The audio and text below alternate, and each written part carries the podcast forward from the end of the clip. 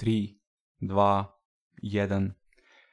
Pričao sam u prethodnoj epizodi o tome zašto mislim da je bitno postavljati ciljeve u životu, pa bih se sada u ovoj epizodi nastavio na tu temu, ali gde će glavna tema biti sreća i kako je potencijalno možeš dostići. Biće u ovom podcastu dosta gosti u budućnosti sa kojima ću razgovarati o raznim temama, ali dok sam sad ovako sam, prosto ću se nadovezivati na teme iz prethodne epizode kako bih ih produbljivao. Uvijek je poželjno da poslušate prethodnu epizodu, ali ću se truditi da pričam tako da i svaka pojedinačna epizoda može biti slušljiva samostalno. Pa da počnemo. Sreća.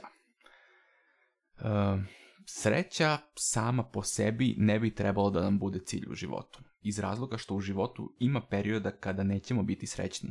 I šta ćeš onda? Tvoj cilj je skrhan, što će te načiniti još više nezadovoljnim i nesrećnim a bit će mnogo perioda u životu kada nećemo biti srećni. Nekad nećemo biti srećni godinama.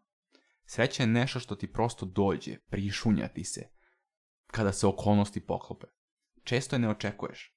Kada se to desi, trebalo bi da budeš zahvalan, jer život je generalno težak i mnogo je više patnje. Tako da, ako si u nekom trenutku srećan, to je sjajno. Uživaj i budi svesno zahvalan na tome. Ja uvek kada sam srećan volim da razmišljam o razlozima zbog kojih mi je ta sreća se manifestovala. Nekad sam srećan, a da nemam jasan razlog zašto je to tako. Što mi je vrlo misteriozno i onda volim da razmišljam dublje o tome i da pronađem konkretne razloge. Prosto da bih znao čemu ili kome da budem zahvalan. To preporučujem i tebi da radiš, jer po mom mišljenju to razmišljanje je bitno. Jer kada sam srećan, sigurno radim nešto kako treba ili sam prosto na pravo mesto u pravo vreme. Ali šta god da je, uvek volim da znam, da bih mogao prosto da nastavim svesnije sa tim. Ja imam neke ciljeve u životu trenutno, između ostalih, jedan je upravo da nastavim svakodnevno da snimam za ovaj podcast i da Neuroprizma bude uspešna tako što ću podići kvalitet epizoda kroz vreme. Ali klasični ciljevi, pričali smo u prethodnoj epizodi, se dostignu ili se ne dostignu i onda je neophodno postaviti nove ciljeve. Međutim, ja imam jedan cilj koji znam da je trajan i koji mislim da bi svako trebalo da ima kome je stalo do toga da makar ima šansu da nekad bude srećan. E sad, slušajte pažljivo. On je da težiš da postaneš ono što bi mogao da budeš jer ni ti ni ja sada sigurno nismo ono što bismo mogli da budemo. Svi to znamo da je to tačno. Često ljudi u datom trenutku osjećaju krivicu zbog nečega ili se nečega sramote ili žale za nečim ili znaju da imaju manjak discipline ili znaju da za sve ostale loše navike koje imaju. To sve nije ono što bi oni mogli da budu ili da osjećaju a niko ne zna šta bi sve mogao da budeš. Zato treba da težiš ka tome da budeš što bolja verzija sebe, šta god da je to. Da bi to mogao da postigneš, prvo treba da formulišeš jednu apsolutno najbolju verziju sebe, a onda i da kreneš da radiš na tome da to isprovedeš. Realno, zašto ne bi težio ka tome? Ja nemam ni jedan razlog zašto ne bih težio ka tome.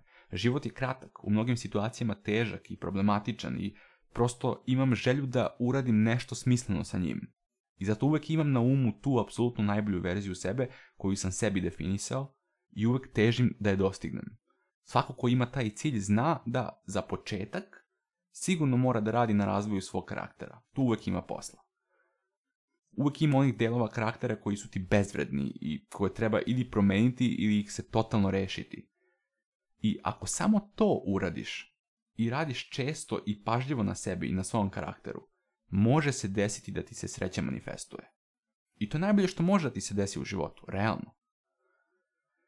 I ne samo to, svakako će biti teških i surovih vremena. I činjenica da si radio na sebi i na svom karakteru i da uvek težiš ka najboljoj verziji sebe, u tim zlim vremenima će ti pomoći ne samo da ih lakše preguraš, nego i da te takva vremena ne iskvare, U takvim vremenima ćeš i dalje biti nekog na koga ljudi mogu da se oslone i da veruju.